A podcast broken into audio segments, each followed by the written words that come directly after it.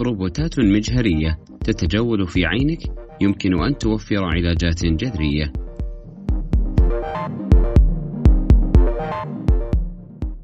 هل لاحظت يوما بعض النقاط السوداء أو بعض الأجسام العائمة التي تزعج رؤيتك؟ في يوم من أيام المستقبل القريب قد تكون الروبوتات هي من تسبح في عينيك. الروبوتات العينية آيبوتس كشف فريق دولي من الباحثين الطبيين في معهد ماكس بلانك عن فئة جديدة من الخلايا النانونية الطبية التي يمكنها السباحة من خلال النسيج الزجاجي السميك لمقلة العين. وقد تم تصميم الروبوتات بشكل حلزوني مروحي لتوصيل الدواء إلى الأماكن المطلوبة في العين. وقد تم حتى الآن اختبار النانوبوت الروبوتات النانونية فقط في الأنظمة النموذجية وفي تشريح مقل عيون الحيوانات الميتة ولكن الهدف النهائي هو نشر التكنولوجيا في العيادات مما يمنح الأطباء طريقة جديدة لعلاج مجموعة متنوعة من أمراض العيون بسرعة وفاعلية أكبر مقارنة بالعلاج عن طريق القطرات أو الحقن العينية. حجم هذه الروبوتات العينية صغير جدا، حيث يبلغ عرض الواحدة منها نحو 500 نانومتر، وهي أصغر ب 200 مرة من قطر شعرة الإنسان. كما أنها أصغر من معظم البكتيريا، حيث أن حجمها مناسب جدا للانزلاق في المصفوفة الجزيئية المعقدة لمقلة العين. الطلاء الزلق إن أحد تحديات التصميم الرئيسة هو إيجاد طريقة للحفاظ على الروبوتات من التشابك في شبكة الجزيئات البيولوجية للعين، ويكمن الحل في إضافة نوع من الطلاء الزلق.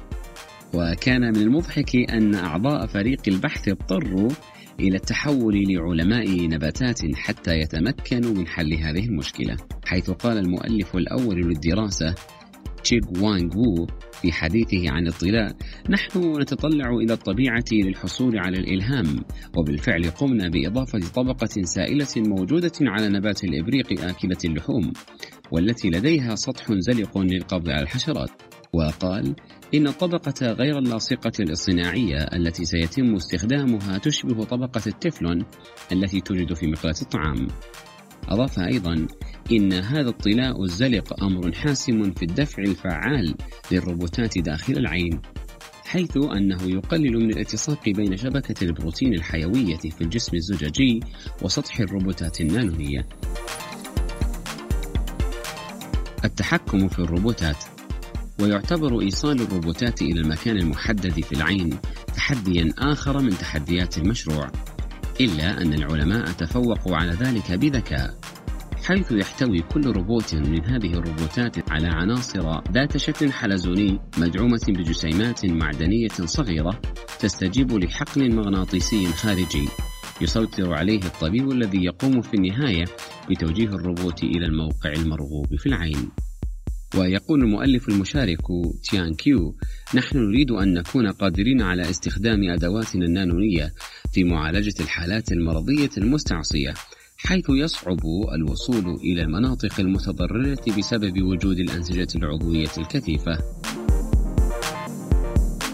روبوتات في مجرى الدم والجهاز الهضمي على الرغم من أن هذه الروبوتات صممت خصيصا لمقل العيون البشرية إلا أنه في الوقت الحالي يتم تطوير روبوتات صغيرة قابلة للحركة في أجزاء أخرى من الجسم مثل مجرى الدم والجهاز الهضمي ويعتبر هذا المشروع جزءا من مبادرة أكبر لتصميم روبوتات صغيرة للغاية يمكنها توصيل الدواء داخل الأنسجة البيولوجية الكثيفة.